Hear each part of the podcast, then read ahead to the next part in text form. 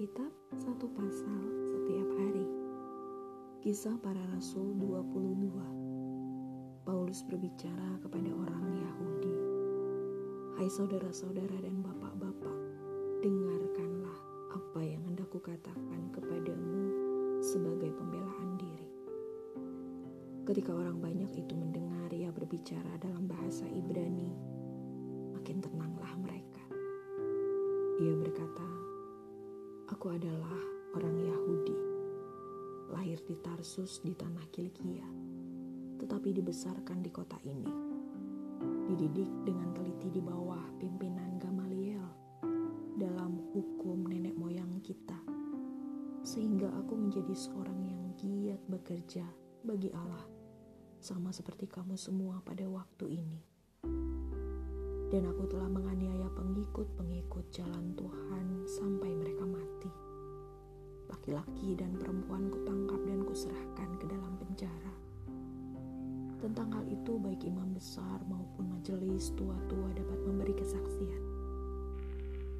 Dari mereka aku telah membawa surat-surat untuk saudara-saudara di Damsyik dan aku telah pergi ke sana untuk menangkap penganut-penganut jalan yang terdapat juga di situ dan membawa mereka ke Yerusalem untuk dihukum. Tetapi dalam perjalananku ke sana ketika aku sudah dekat Damsyik, yaitu waktu tengah hari, tiba-tiba memancarlah cahaya yang menyilaukan dari langit mengelilingi aku. Maka rebahlah aku ke tanah, dan aku mendengar suatu suara yang berkata kepadaku, Saulus, Saulus, mengapakah engkau menganiaya aku? Jawabku, siapakah engkau Tuhan? Katanya, akulah Yesus, orang Nazaret yang kau aniaya itu. Dan mereka yang menyertai aku memang melihat cahaya itu. Tetapi suara dia yang berkata kepadaku tidak mereka dengar. Maka kataku, Tuhan, apakah yang harus kuperbuat? Kata Tuhan kepadaku, bangkitlah dan pergilah ke Damsyik. Di sana akan diberitahukan kepadamu segala sesuatu yang ditugaskan kepadamu. Dan karena aku tidak dapat melihat oleh karena cahaya yang menyilaukan mata itu, maka kawan-kawan seperjalananku memegang tanganku dan menuntun aku ke Damsyik.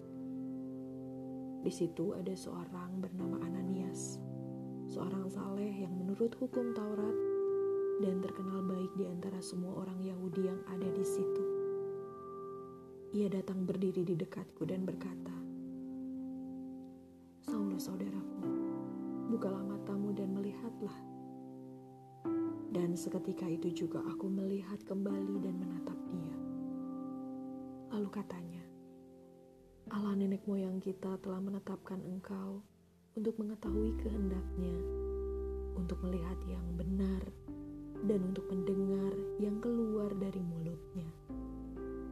Sebab engkau harus menjadi saksinya terhadap semua orang tentang apa yang kau lihat dan yang kau dengar.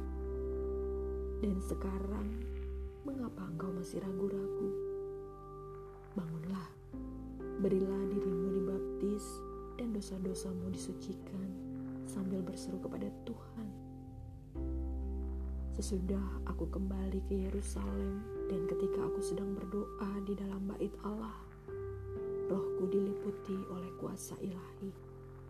Aku melihat dia yang berkata kepadaku, Lekaslah, segeralah tinggalkan Yerusalem, sebab mereka tidak akan menerima kesaksianmu tentang aku. Jawabku, Tuhan, mereka tahu bahwa akulah yang pergi dari rumah ibadat yang satu ke rumah ibadat yang lain dan yang memasukkan mereka yang percaya kepadamu ke dalam penjara dan menyesah mereka. Dan ketika darah Stefanus saksimu itu ditumpahkan, aku ada di situ dan menyetujui perbuatan itu dan aku menjaga pakaian mereka yang membunuhnya. Tetapi kata Tuhan kepadaku, pergilah, sebab aku akan mengutus engkau jauh dari sini kepada bangsa-bangsa lain. Rakyat mendengar Paulus sampai kepada perkataan itu, tetapi sesudah itu